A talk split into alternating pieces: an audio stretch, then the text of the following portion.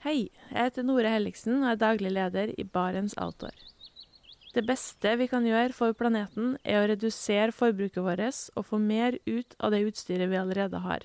Men vi vet av erfaring at bruken av telt kan endre seg over tid. Det teltet du kjøpte for to år siden, passer kanskje ikke det behovet du har i dag.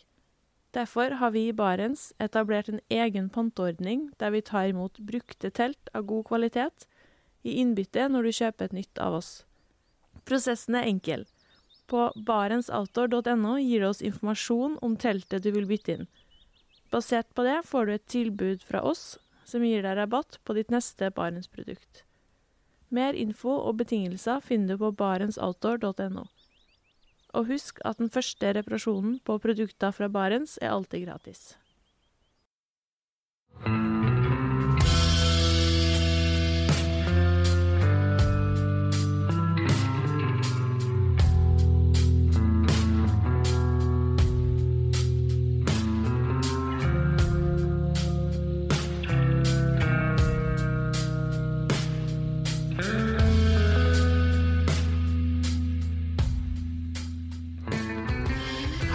Og velkommen til podkasten Uteliv. Mitt navn er Randulf Valle. I dag så tenkte jeg å titte tilbake mot episode 48 av podkasten Uteliv. Den lagde jeg sammen med Jegerpodden, og temaet var forfatteren Oddbjørn Lindsethmo. Det er en episode jeg husker godt av flere årsaker. For det første så var det en hyggelig og interessant prat om en forfatter som i dag er glemt av mange.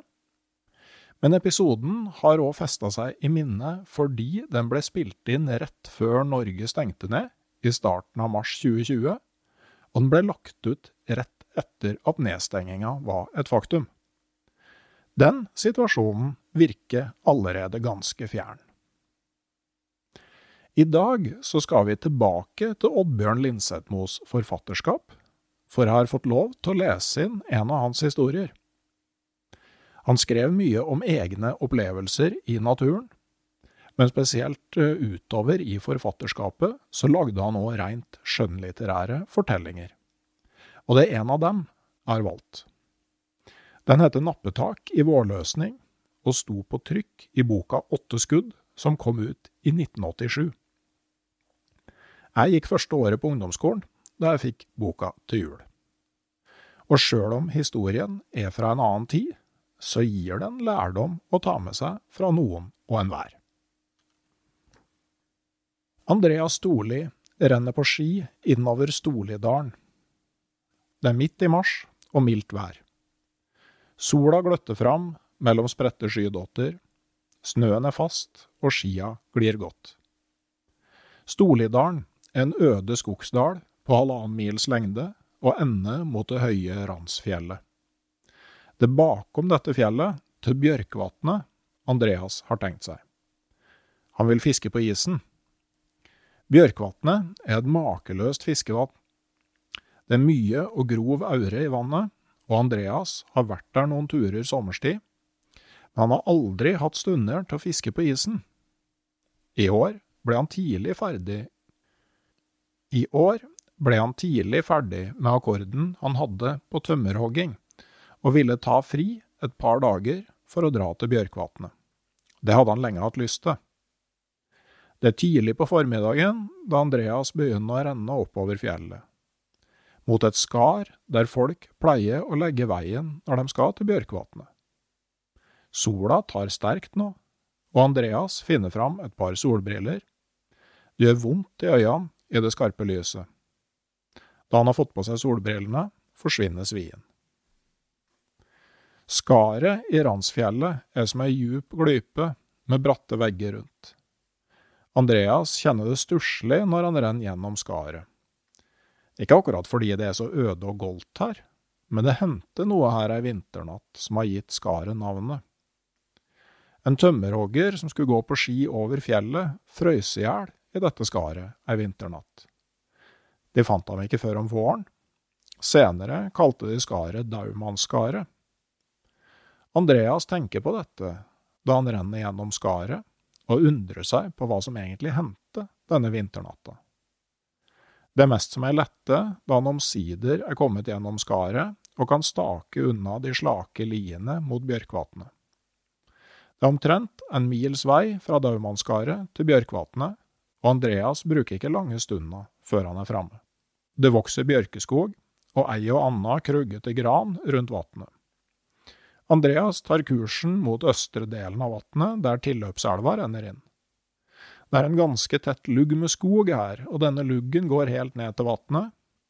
Inne i skogen, bare noen meter fra vannkanten, står det ei stor gran. Denne har han brukt som hvilegran før. Kvistene på stammen er hogd unna, men bare noen av dem, slik at det er som et slags telt rundt granstammen. Snøen har lagt seg rundt på baret oppover, men ved stammen er det nesten ikke snø. Her lager Andreas seg ei barseng, tenner bål og koker seg kaffe, steiker flesk på gloa og eter brød til. Han er blitt sulten etter den lange skituren over fjellet. Andreas hviler en times tid. Så finner han fram ei isbile og ei lita ause fra sekken sin. Han ser seg litt rundt, får øye på ei slank bjørk, og denne hogger han ned og kvister den. Han spisser den ene enden av bjørka, slik at han får festet isbila. Han slår en spiker gjennom holet på isbileholken, dette for at bila ikke skal kunne falle av og ned i vannet. Så rusler han ned på isen, snøen er så fast at han ikke trenger ski. Han ser seg litt omkring, prøver å huske hvor i vatnet det er djupt eller grunt, så gir han seg til å hogge hull i en sirkel omkring elveoset så langt ute at han mener å være på rett dybde. Da han har fått hogget ett hull, renser han dette med ausa så det blir reint. Tolv hull hogger han før han begynner å sette ut snørene sine. Han skjærer til kvister som han fester tømmene på. Kvistene stapper han ned i snøen ved hullene. Han måler ut dybden med en spiker, og når han har funnet ut den ned til omtrent halvmeteren overfor bunnen, så egner han krokene med mark han har i en pose innafor trøya. Andreas har bare fått ut fire av tømmene da han ser at kvisten ved det første hullet bøyer seg ned i hissige sprett. Han slipper det han har i hendene og springer bortover, tar tømmen og kjenner at det basker tungt imot nede i vannet. Fort haler han opp, og inn på isen danser en glinsende aure på seks–sju hekto. Andreas kjenner ei hissig glede. Dette ser ut til å gå som han hadde håpet, tenker han, og egner fort igjen etter å ha tatt fisken av kroken og knekt nakken på den. Det tar tid å få ut alle tolv tømmene, for tre ganger til må han springe tilbake for å dra opp snører som det er fisk på. Én mister han, men han berger to på samme størrelse som den første. Utover mot kvelden tar Andreas atskillige aurer. Han renser dem etter hvert og undres over at det kan være så fin fisk til. Den er feit og helt blodrød i kjøttet. Han kjenner glede som en unge hver gang han må springe bort til en kvist som bøyer seg i nykk og tøy nedover. Det var akkurat slik han håpet fisketuren ville bli. Han hadde gledd seg til dette, for å fiske var det triveligste han visste om. Men det var ofte vondt om tid, for gården og skogen tok det meste av den. Fra hvilegrana si kan Andreas se kvistene tømmene er festet til. Han planla det slik, for da har han liksom litt ekstra underholdning når han vil koke seg kaffe og få en matbit.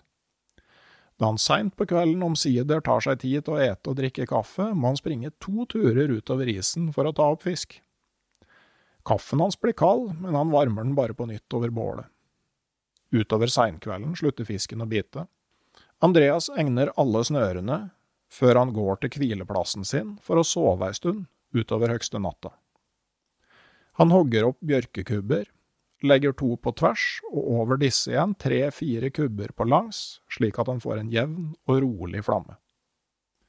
Så ruller han seg sammen på barsenga, trekker trøya over hodet, og med ryggen vendt mot varmen sovner han ganske snart fast.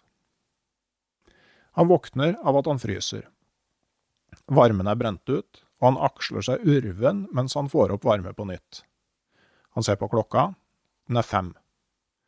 Han fyller snø i kaffekjelen og henger den over varmen. Ganske snart får han kokt kaffe. Han steiker flesk på gloa og spiser brød med flesk og super glovarm kaffe til. Så rusler han ned på isen for å se til utsettene sine. Han har tatt opp tre fisker som har gått på da han kommer til et utsett der kvisten ligger helt nede ved iskanten. Spent tar han tak i tømmen. Da livner det til nede i vannet. Andreas kjenner at dette er svært stor fisk. Den basker hardt, og Andreas må flere ganger fire etter tøm, så ikke fisken skal slite snøret. Men omsider får han fisken opp til iskanten, men der stopper det. Han kikker ned i hullet og får se en diger fiskekjeft der nede. Raskt kjører han handa ned i vannet, stikker tommelen inn i fiskekjeften og fester fingrene rundt kjevebeinet, forsøker å trekke opp, men hullet er for lite. Fisken går ikke gjennom det. Andreas ser igjen ned i hullet, og nå oppdager han at det er litt ovalt, det er ikke helt rundt. Forsiktig vrir han på fisken til han får den snudd litt, og brått glir den oppover. Mens vannet fosser omkring fisken, slenger han den inn på isen. Andreas blir stående og glo. Så stor fisk har han aldri tatt. Den er kort, men kolossalt brei og glinser som bronse mot snøen. Andreas kjenner at han skjelver av spenning da han har slått i hjel fisken. Han veier fisken prøvende i hånda. Den må være bortimot fire kilo, mener han. Trodde ikke det var så stor fisk i vannet, selv om det har spurtes at en og annen riktig stor var tatt en sjelden gang. Andreas har undersøkt alle tømmene og satt på nytt agn. Men det er som om fisken ikke vil mer. Utover hele formiddagen er det ikke en kvist som ler på seg. Han tar ei lang middagshvil under grana, før han igjen rusler ut på isen for å fiske. Han går omkring, vipper litt borti bjørkekvistene slik at agnet skal røres. Bortimot klokka tre begynner fisken brått å bite igjen. Nå er det som den er aldeles besatt. Andreas renner omkring og haler opp fisk, knekker nakken på dem egne på nytt, og så renner han videre til neste tøm det har gått fisk på. Han sanser seg ikke, fisker i en rus, enser ikke at han er blitt sulten, er bare besatt av å hale opp fisk. Først da fisken slutter å bite mot kvelden, er det som han våkner. Han merker også at det er noe som skjer. Han synker ned i snøen. Den bærer ham ikke så godt lenger. Så kjenner han også at det er kvelende stille, nesten lummert i været. Det er ikke et eneste vindpust. Om litt hører han som et sukk fra fjellet vestafor, og ser brått mørke skyer rulle opp over fjellranda. Andreas begynner å samle sammen fisken, bærer flere vendinger bort til hvilegrana si. Det blir en diger haug med fisk. Han har ikke fått renset stortannen, men nå gjør han unna dette arbeidet. Han forstår at det ikke nytter å fiske mer, han klarer knapt å bære den børa han har fått. Han hadde tenkt å være til neste dag, men været uroer ham, og det blir ikke større mørkt om natta, og han kjenner leia godt. Derfor bestemmer han seg for at han vil pakke sakene sine og begynne på heimturen. Klokka er blitt seks. Fisken har han i en striesekk i ryggsekken. Da han letter på sekken etter at han har pakket den, så blir han betenkt. Det er så vidt han får sekken på ryggen. Han spenner skiene på og begynner på leia mot Ransfjellet. Men snøen er liksom råtnet. Det er ikke feste for skiene oppå, og han synker nede til knes. Andreas liker seg dårlig. Han er sterk og i god form, men han vet at tungføre og tung sekk har knekt sterke folk før. Det går uhyggelig smått framover liene mot Daumanskaret. Da klokka er blitt ti, er Andreas kommet bare vel halvveis. Nå kommer det også stri vind, og det begynner å drive våt snø i strie kast. Skien hans klabber ikke større, snøen er for våt til det, men dette å synke ned til knes for hvert stavtak tapper krefter. Andreas kjenner at det begynner å røyne hardt på. Han stanser rett som det er for å hvile. Hvilestundene blir lengre og lengre. Han lurer på om han skal kaste noe av fisken så børa blir lettere, men tenker som så at å kaste så fin mat, det gjør han ikke. Det er blitt midnatt. Andreas har nå kommet halvveis gjennom Daumanskaret. Her oppe tar vinden sterkt, og han kjenner det isner gjennom kroppen men han er så trøtt og sliten at han må hvile. Han finner litt ly bak en stor stein, vrenger sekken av og graver fram et par brødskiver fra sekken. Han spiser brødskivene, er tørst, men har ikke noe å drikke. Han forsøker å gomle snø til. Brødskivene kvikker ham ikke opp særlig, han er for sliten, og ganske snart tar hodet hans til å duppe ned på brystet. Da våkner han brått til. Ikke sove, sier han høyt. Han vet at sovner han, så er det for godt. Han er våt, og i den isende vinden er han i stor fare. Han tenker enda en gang på tømmesekken for fisk, men noe stritt inni ham forbyr ham å gjøre det. Han vakler opp, tvinger sekken opp på ryggen, mumler mellom tennene at det ikke skal bli to lik i daumannskaret, det skal han faen skjære meg hver mann for. Han kjenner liksom litt mer krefter ved å hisse fram sinnet sitt, og om litt vabber han framover fjellskaret igjen. Været er like ille, og snøen like djup. Andreas har kommet seg ned i Storlidalen, og det er blitt morgen. Her velter han seg ned under ei stor gran. Han vrenger sekken av, prøver å bryte tørrkvist for å lage seg et bål. Han bryter bar til å sitte på, vabber omkring som i søvne, men fyrstikkene er våte, og han klarer ikke å få opp noe varme. Han stør seg mot granleggen og prøver å hvile. Framme i Storlia går kona til Andreas, Elen, over tunet. Hun kjenner ei sterk uro i seg. Hun er av fjellfolk og kjenner lunene i fjellet. Hun har merket at snøen er blitt råtten, hun har også sett at det har kommet mer snø om natta, og det blåser sterkt. Hun vet at dette er vær og føre som er farlig. Sjelden har hun urodd seg for Andreas. Han er en seig og hard kar, men hun vet at slikt vær og føre har tappet safta av harde folk før. Det hun funderer på, er om Andreas har tatt på heimvei, eller om han har funnet det best å bli ved Bjørkevatnet om været skulle bli bedre. Elen går inn på kjøkkenet.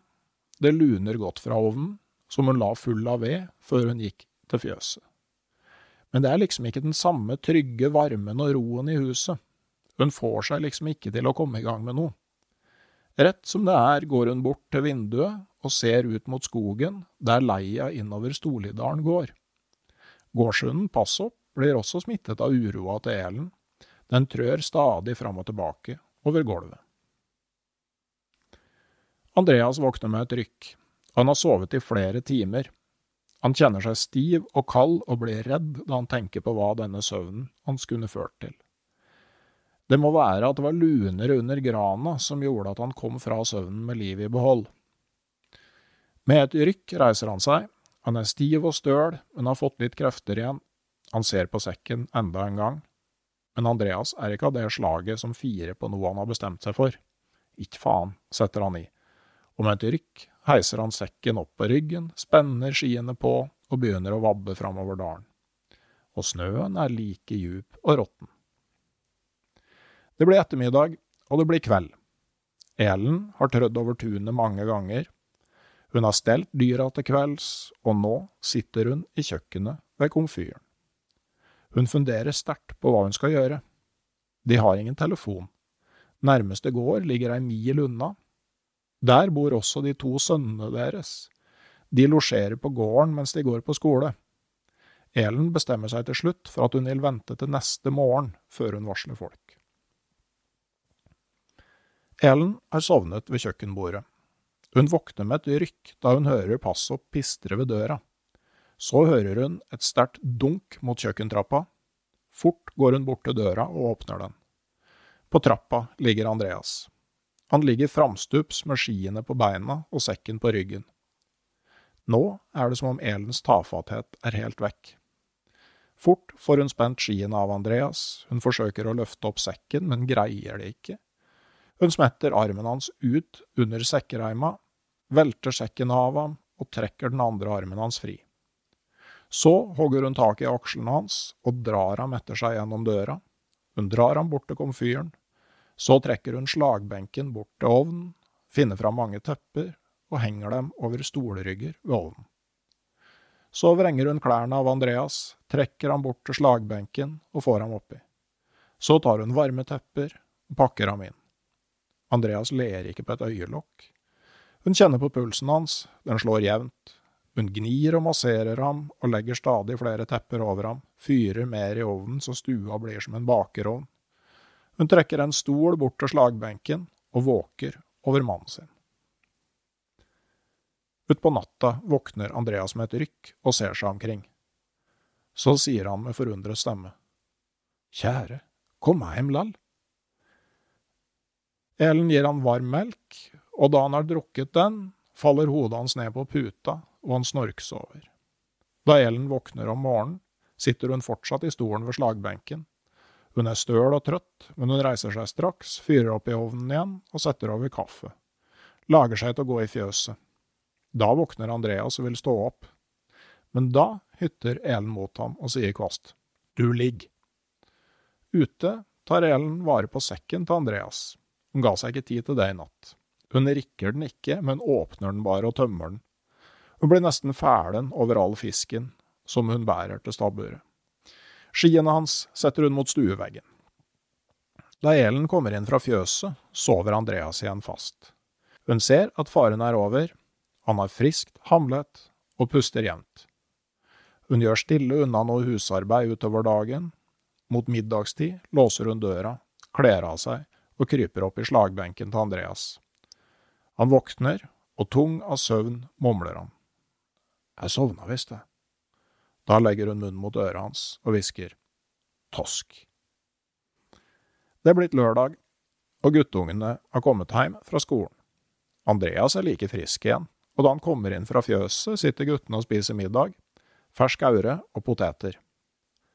De er i den alderen da maten går unna, og de langer innpå. Andreas ser på dem og syns kanskje de har eh, litt lite bordskikk akkurat da. Så kremter han og sier strengt. Eta med andakt, gutta. Denne maten kosta nesten far dere livet. Det gikk altså bra med Andreas til slutt, men at tung sekk og gjennomslagsføre er en skummel kombinasjon, kan vi legge oss på minnet også i dag. Jeg skal til slutt takke min kommersielle samarbeidspartner, Barents Outdoor AS, og alle dere som er med i det digitale turlaget på Patrion. Jeg vil også nevne at episode 200 fortsatt kan bestilles på LP, og at de første eksemplarene sendes ut 22.1. Vil du nyte episoden på riktig dag, så er det altså på tide å bestille. Du finner link i episodeinfo. Jeg må nesten også fortelle at jeg allerede har fått melding fra en person som endte med å kjøpe platespiller pga. nettopp denne her utgivelsen. Det må man kunne kalle dedikasjon. Det kommer flere episoder nå fram mot 26.1, så når jeg nå sier ha det bra den gangen her, så er det tanken. Det kommer flere episoder fram mot 26.1, så når jeg nå sier ha det bra for den gangen her, så er det med tanke på et veldig snart gjenhør.